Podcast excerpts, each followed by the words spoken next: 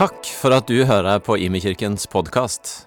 Er du interessert i en utdannelse innen ledelse og teologi? Gå gjerne inn på hlt.no slash stavanger og finn ut mer om heltids- eller deltidsstudier. Eh, hvis du leser Bibelen, så eh, og særlig Det nye testamentet, så skal det ikke ta så lang tid før du oppdager at en av de store figurene i Det nye testamentet, en av de store skikkelsene eller personlighetene, det er Paulus. Paulus som først vi møter som Saulus, denne mannen som vokser opp i en tydelig jødisk familie, får en tydelig jødisk oppdragelse, har et skarpt hode og lærer seg det som har med skriftene, med troa, med den jødiske religionen å gjøre, og som, og som blir en lederskikkelse som, eh, som blir sett opp til, og som har eh, makt, som har innflytelse.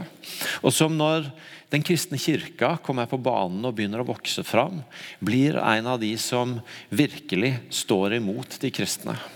Det står at han for hardt fram mot de kristne. Og når vi leser i Apostlenes gjerninger 7-8 om at eh, Stefanus blir steina, så står det at Saulus, som han da blir kalt, var enig i drapet på Stefanus. Han var en som var skarp, som var lærd, som hadde makt, og som tydelig sto imot de kristne. Og så skjer denne her radikale omvendelsen til Paulus. Vi leser om den i Apostlenes gjerninger 9, og eh, Solvår var innom den i starten av gudstjenesten, hvor Paulus er på vei til Damaskus, og så får han et sånn radikalt møte med Jesus som snur opp ned på livet hans. Han går fra å være en som forfølger Jesus, til å være en som følger etter Jesus. Og når noen av lederne i kirka på en måte hører om dette, og Gud vil på en måte gir de et dunk i sida om at de må gå og snakke med han, så er de i utgangspunktet ganske skeptiske. Vet du ikke Gud hvem han er? Vet du ikke hva han har gjort? Vet du ikke hva han står for? Dette er jo farlig. Og så svarer eh, Gud i Apostlenes gjerninger 9, vers 15 at gå, for jeg har utvalgt han som mitt redskap til å bære mitt navn fram for hedningefolk og konger og for Israels folk. Gud har ikke bare bestemt seg for å møte Paulus på en vandring, men han har utvalgt Paulus, han har kalt han til å være en misjonær som tar evangeliet til mange nye steder, til mennesker, og utafor eh, eh, jødene og til hedningefolket, som det står her, som i praksis betyr alle andre som ikke er jøder. Og det gjør Paulus. Han blir en stor misjonær. Han blir en som reiser på flere misjonsreiser, som kommer til nye steder, som forkynner evangeliet, ser at mennesker kommer til tro, og at menigheter blir planta. Før han reiser videre til nye steder og gjør det samme igjen. Forkynner evangeliet, ser mennesker komme til tro, ser menigheter blir planta. Han blir en stor misjonær. Og så er det jo sånn at I Det nye testamentet så kan vi lese om misjonsreisene til Paulus, om, om, hvordan han reiste fra sted til sted. Vi ser at det var ikke et enkeltkall han fikk, det var en pris ved det. Han møtte motstand, han ble utsatt for farer, han havna til og med i fengsel. Ehm, det var Det kosta. Men han var tro mot kallet, og han så mange komme til tro på mange steder. Og så er Samtidig i Det nye testamentet så ser vi at for det om han reiste videre, når, når han hadde på, måte, på, mange måter fullført oppdraget sitt, i hvert fall i første omgang på et sted, så fortsetter han allikevel å følge opp disse stedene, menighetene som har oppstått der, de som er, er blitt kristne der. Og En av måtene han gjør det på, det er å skrive brev. Vi har i Det nye testamentet en god del brev hvor han skriver til dem. Og Noe av det som jeg synes er fascinerende med å lese disse brevene, det er at vi, vi får jo et litt sånn inntrykk av hva slags relasjon er det Paulus har til disse som har blitt kristne, til disse menighetene rundt omkring. Og Noe av det som slår meg når jeg leser brevene, det er at det blir kjempetydelig at selv om Paulus på mange måter har fått et kall, og han går i det kallet, og han har et oppdrag til å forkynne evangeliet, så er det ikke sånn at Paulus, når han henvender seg til disse menighetene, skriver til dem som de var på en måte prosjektet hans, misjonsprosjektet hans, Om han, hvor han har hatt en jobb å gjøre, og så er det på en måte mission accomplished, og så er det videre til neste jobb. Og, og i den grad en oppfølging, så er det på en måte bare å sikre at, at filialen der går som den skal. Det er veldig tydelig når Paulus skriver at, at han skriver til mennesker han er blitt glad i. Han skriver ikke til dem som misjonsprosjekter, men han skriver til dem som familie. Han henvender seg til dem som brødre og søstre. Og han skriver til dem ikke bare som at han har gitt noe til dem, men at den troa som er planta i dem, gir også noe tilbake til han. Han blir oppmuntra av dem, han blir inspirert av dem, han finner trøst i dem når han står i sine utfordringer. Jeg har lyst til å bare ta dere med inn i noen av de tingene som som han skriver når han hilser dem. Og nå blir det litt sånn en remse av noen bibelsteder, men prøv bare å fange opp tonen og, og det Paulus sier til noen av disse stedene. Han skriver til menigheten i Korint i, i 1. Korintabrev 1. Jeg takker alltid min Gud for dere, for den nåde han har gitt dere i Kristus Jesus. I Han er dere blitt rike på alt, på all lære og all kunnskap. Vitnesbyrd om Kristus har da også fått sikkert feste hos dere. I, til menigheten i Efesos skriver han i kapittel 2 Derfor holder jeg ikke opp med å takke Gud for dere når jeg husker på dere mine bønner. For jeg har hørt om deres tro på Herren Jesus og deres kjærlighet til alle de hellige. Til menigheten i Filippi så skriver han i første kapittel Jeg takker alltid min Gud når jeg tenker på dere. Og alltid, i alle mine bønner, så ber jeg for dere alle med glede.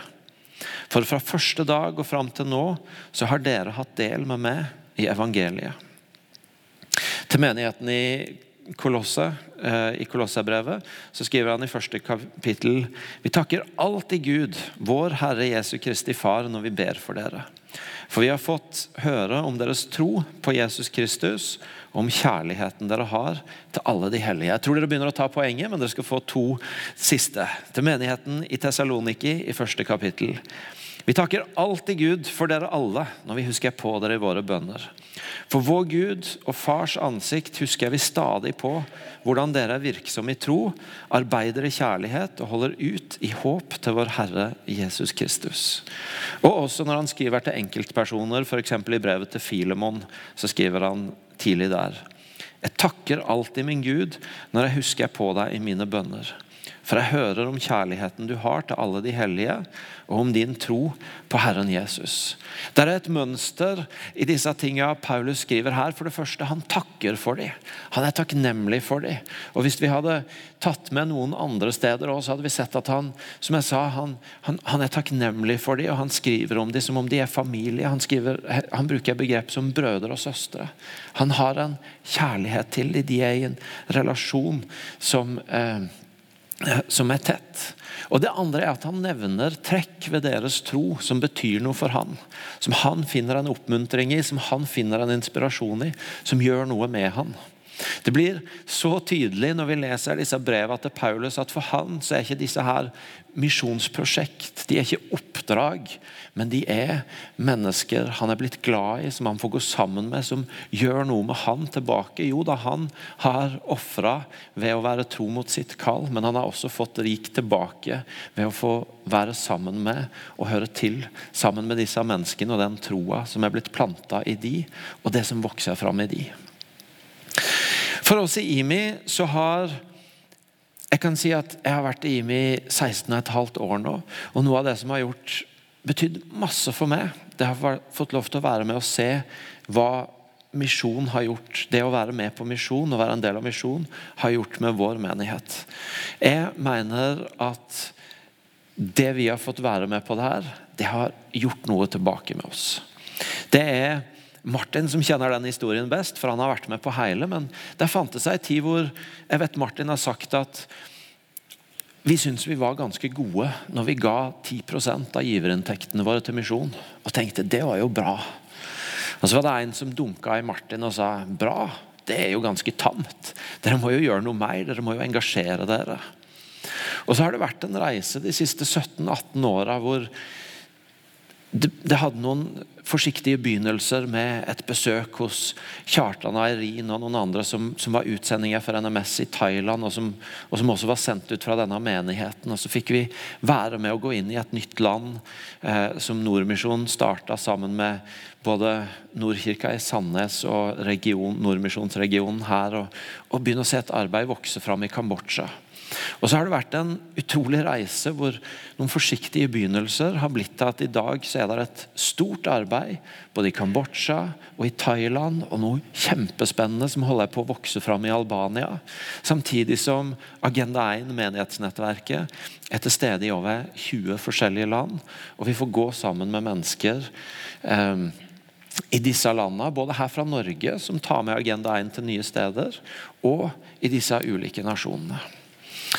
Og det jeg ser, i hvert fall, det er at dette Ja, vi får være med på noe spennende der, men dette gjør også noe tilbake til oss. Det er mennesker her som har vært med å lede ut i det arbeidet, som, som har lagt ned masse, og som definitivt har betalt en pris for at vi har fått komme dit vi er i dag.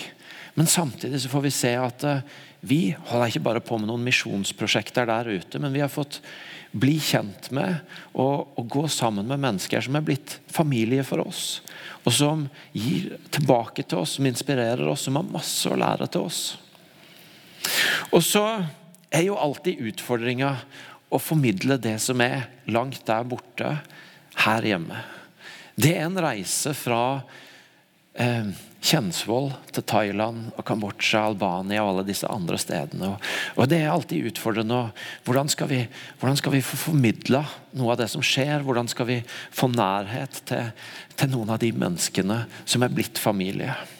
Og Derfor har jeg gleda meg til denne søndagen og som Solvår sa i starten, til å vise dere første episode i det som er blitt Sprengkraft sesong to. Sist høst viste vi, viste vi Sprengkraft første sesong. og Den handla om reisen for Imi-kirka fra å være et bedehus nede i byen som holdt på å dø ut, og forteller noen av punktene i den reisen som har tatt oss til den menigheten vi er i dag. Og en av de setningene som i hvert fall jeg brukte mye for å fortelle om hensikten med å fortelle den historien, det var dette med å lære seg å verdsette det en sjøl ikke har betalt en pris for. Det å høre historien om den veien som er gått, sånn at de av oss som har kommet inn på et eller annet punkt ut i historien, får en enda større forståelse av at det vi får leve i i dag, det som er vårt fellesskap i dag, det er ikke en selvfølge. Det er ikke noe vi kan ta for gitt, men det er en reise som har tatt oss dit, hvor det er mange som har vært med, og mange som har lagt ned ting for å komme dit vi er i dag. Og Når vi i sesong to har valgt å fortelle historier fra det vi får være med på andre steder i verden, så er kanskje setninga noe sånn som at det handler om å hjelpe oss til å verdsette de menneskene vi ikke så ofte ser, men som vi allikevel hører sammen med, og som har masse å gi til oss. For der er denne dobbeltheten som jeg sa, at, at på samme måte som der er mange mennesker her som har lagt ned mye for at den reisen vi har fått være med på der ute, har vært mulig, så har vi fått komme tett på og gå sammen med mennesker der ute som har så mye å gi tilbake til oss. Og Vi hadde lyst til å fortelle noen av de historiene. Vi hadde lyst til at dere som ikke kan dra eh, så ofte ut og møte det. At dere skal få komme litt tettere på noen av disse menneskene. Høre noen av historiene og, og la dere inspirere av det. Fordi på den ene sida Jesus har kalt oss til misjon. Han har sagt at vi skal gå ut og fortelle til alle folk og folkeslag. Og det er masse igjen av den jobben. Og Derfor er det kjempeviktig for oss å fortsette å være en menighet som lever i misjon, som, som, som dytter på det misjonskallet. I går når det Send var her, som Solvår har fortalt om tidligere, og fullt hus i hele gård, så, så, var det masse folk som kom fram og ga en respons på misjonskall. Og som, og som opplevde at Gud dytta i et eller annet som handla om å involvere seg i misjon. Og Det var ei her som fortalte at når det var Descend i fjor, så hadde hun opplevd at Gud ga henne et kall til Kambodsja. Og nå har hun begynt på reisen med å finne ut hvordan kan det se ut. Og jeg håper jo at det å møte disse historiene, det å se bildene fra noen av de vi får gå sammen med, og det å høre noen av historiene, skal berøre noen hjerter her til å kjenne en sånn push på misjon. Gjerne at noen av dere kommer i kontakt med et kall til å eh, bruke til, til, å reise ut eller til å være ute i misjon. Men, men, mest sannsynlig så skal en god del av oss også få bli her. Men i så fall at dere får lyst til å reise ut og være med sjøl på et team, eller at dere får et hjerte for å be for, eller at dere blir motivert for å være med å gi og engasjere dere. At dere på et eller annet vis kjenner at denne, dette kallet til å ta evangeliet ut kommer tettere på dere. Men samtidig så håper jeg like mye at det å møte disse historiene skal gjøre noe med hjertene deres i forhold til å se at her, her blir vi inspirert til Jesus etterfølgelse. Her forteller disse menneskene noe om et liv som gjør at jeg blir inspirert og jeg blir utfordra på min etterfølgelse her. Jeg tenker mer og mer at jeg tror noe av svaret for oss i den vestlige verden og kirka i vår del av verden, og, og for å se en ny tid og, og, og en ny tid for kirka, handler om at en del av den reisen i hvert fall handler om at vi må ydmyke oss og ta imot fra brødre og søstre andre steder i verden. Og det troslivet de lever. Vi kan gjerne noen ganger oppleve at vi har et eller annet slags forsprang fordi at vi har lest noen flere bøker og, og har en evne til å liksom intellektuelt sett artikulere noen ting eh, teologisk klarere eller et eller annet sånt. Men de har så mye å lære oss på det å leve det ut. På det å gå for det, på det å stå i det. For det om det er en push utafra og en kostnad ved det som, som kanskje ikke er like tett på våre liv. Så jeg håper både at du skal bli inspirert til misjon, men også at du skal få noe som gjør noe med ditt eget Jesusliv her hjemme. Det er Gunnar Hauge som jobber med media hos oss, som har gjort en fantastisk jobb med å både filme og sy dette sammen. Det er Mariann Nygaard som er stemmen du kommer til å møte, og som har vært med i tidlig og sein fase av prosjektet. Det er Frode Sandal som sitter her, en av våre fra Haik kommunikasjon som har vært prosjektleder. Og så er jeg linselus, jeg har sikkert gjort minst jobb, men får mest TV-tid. Ehm, men jeg har fått lov til å være med og intervjue noen av de. Nå skal dere få se første episode av Sprengkraft, sesong to. Misjon har forandra og fortsetter å prege oss i Imi-kirka. I sesong to av Sprengkraft får du møte noen av de menneskene vi får gå sammen med andre steder i verden.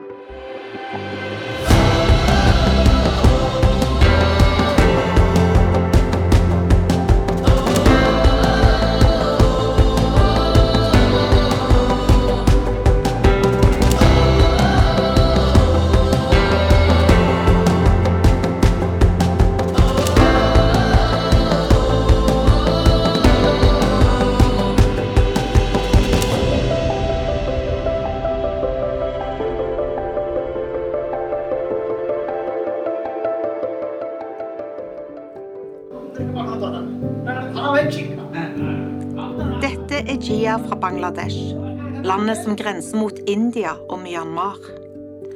Over 90% av befolkningen i Bangladesh er muslimer. I deler av landet er det farlig å bekjenne tro på Jesus. Derfor viser vi ikke hele ansiktet til Jia, som vokste opp i en familie der faren hadde tre koner. Sjøl var han barn nummer ni i flokken.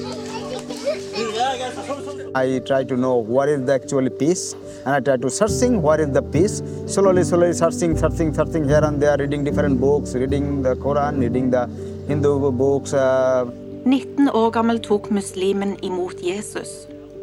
En av konsekvensene var at han ble utstøtt fra familien i tolv år.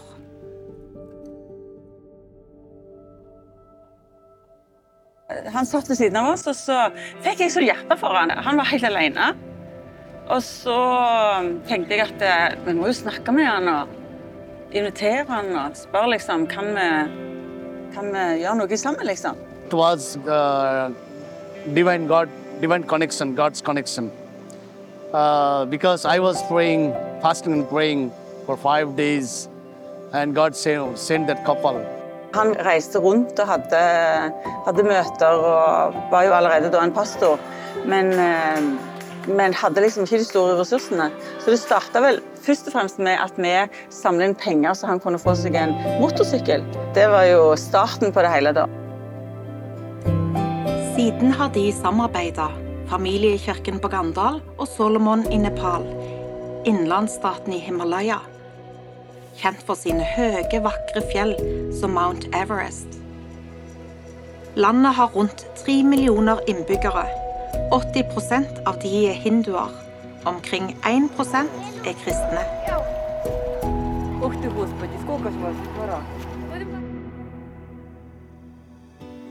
Åtte år gammel møtte Buch Gud, som hun ble kjent med gjennom sin bestemor og onkel. Sjøl kommer fra en buddhistisk familie. I went to Buddhist temple together with my parents. It's the feeling of fear come to me, so it's so different uh, experience. Uh, went to church and went to Buddhist temple, and then when I'm around um, eight years old, I experienced encounter with God during the worship.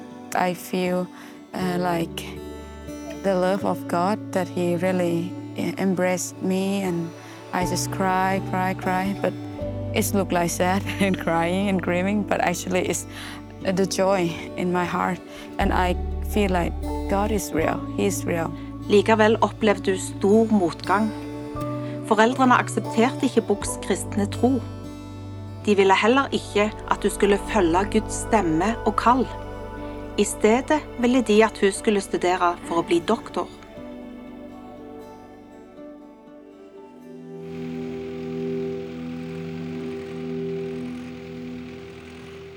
Two times uh, I was almost killed uh, uh, by the radical groups, and so it was a really dangerous part. Why do you keep on doing it when it is so dangerous for you? The thing is that I, I believe that my life is on God's hand. So my promise to God that I will do however God leads me. Same way people maybe maybe threat me, maybe kill me, maybe torture me. It's okay. It's okay. I'm ready for that. But still, my last time, last last breath, continue. I will follow Jesus as my Lord.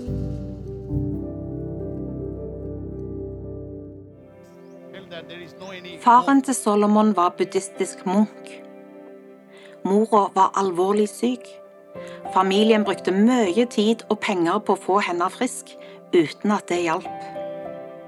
Finally, a lady came to our house saying that there is a hope in Jesus if you allow the pastor to pray for your mom. Then she will be healed. Problemet var bare at pastoren ikke turde å be for mora. Han frykta straff fra Solomons far og hans buddhistiske venner. Lang historie kort. Pastoren ba, mora ble helbreda, og hele familien møtte miraklenes gud og konverterte.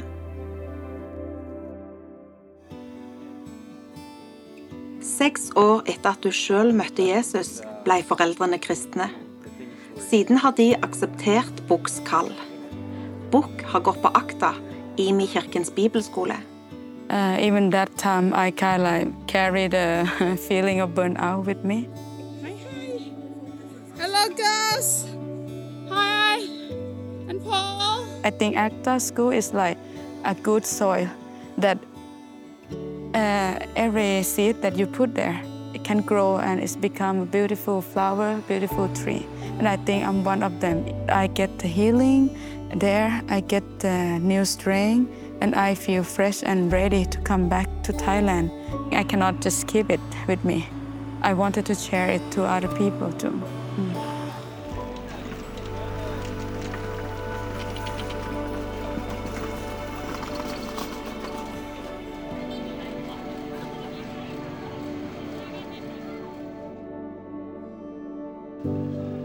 Livet til Gia er et kraftfullt vitnesbyrd om forandring og en trofast Gud som elsker mennesker. They follow the life that they see in my life, and my life is changed. Totally U-turn than before, 30 years back. So life is the message. Det er en lang vei å gå fra å være utstøtt fra familien til at nesten halve familien nå tror på Jesus. They became believer, they became Christian, and we are in the active mission work. Svein Høysæter har gått tett sammen med Gia i flere år. Vennskapet har gjort dypt inntrykk. Gia has, uh, I think you have been one of the most important persons in my life to release uh, uh, God's love for Muslim people. Ah, Praise God, praise God. Uh, I think that there's something about what you carry uh, that has released that into my life. So, no, I just love to be around Muslims. And that, that's a big change in my life. Praise and, the Lord. And you're a big part of that. Praise God. Praise God. All glory to God.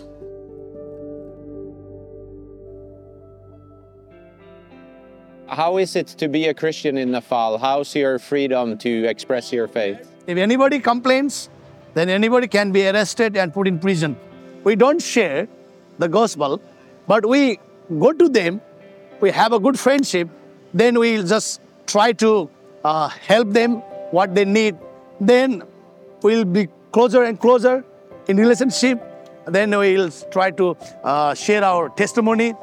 Then they would ask the questions what is the difference between their gods and the Jesus Christ? Agenda 1 har blitt en viktig nøkkel til utbredelse av tro på Jesus i Nepal. Wow, I thank God for this Agenda 1. It is bringing all the churches together. It's so powerful for the unity among the churches in Nepal.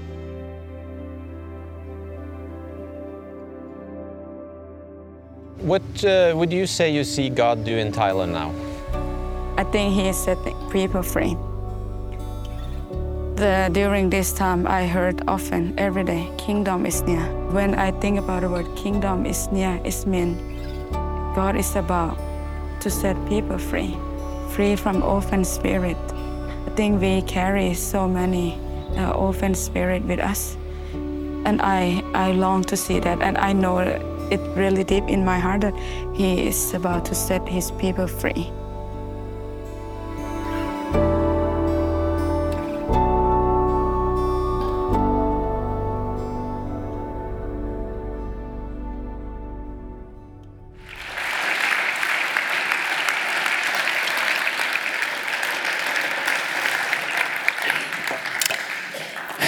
Noen heftige historier. Jeg vet ikke hvordan det er med dere. Det gjør i hvert fall, Jeg har sett de ganske mange ganger etter hvert nå, i prosessen med å lage det. Jeg merker at de fortsatt berører meg. Og På en måte så er jeg akkurat nå mest interessert i hva de gjør med dere. Jeg håper at dere vil bruke tid på å sette ord på hva gjør det med meg å høre disse fortelle. Hvis jeg skal si noen ting fra min side, så gjør det noe med meg å høre de alle fortelle om en historie om forvandla liv.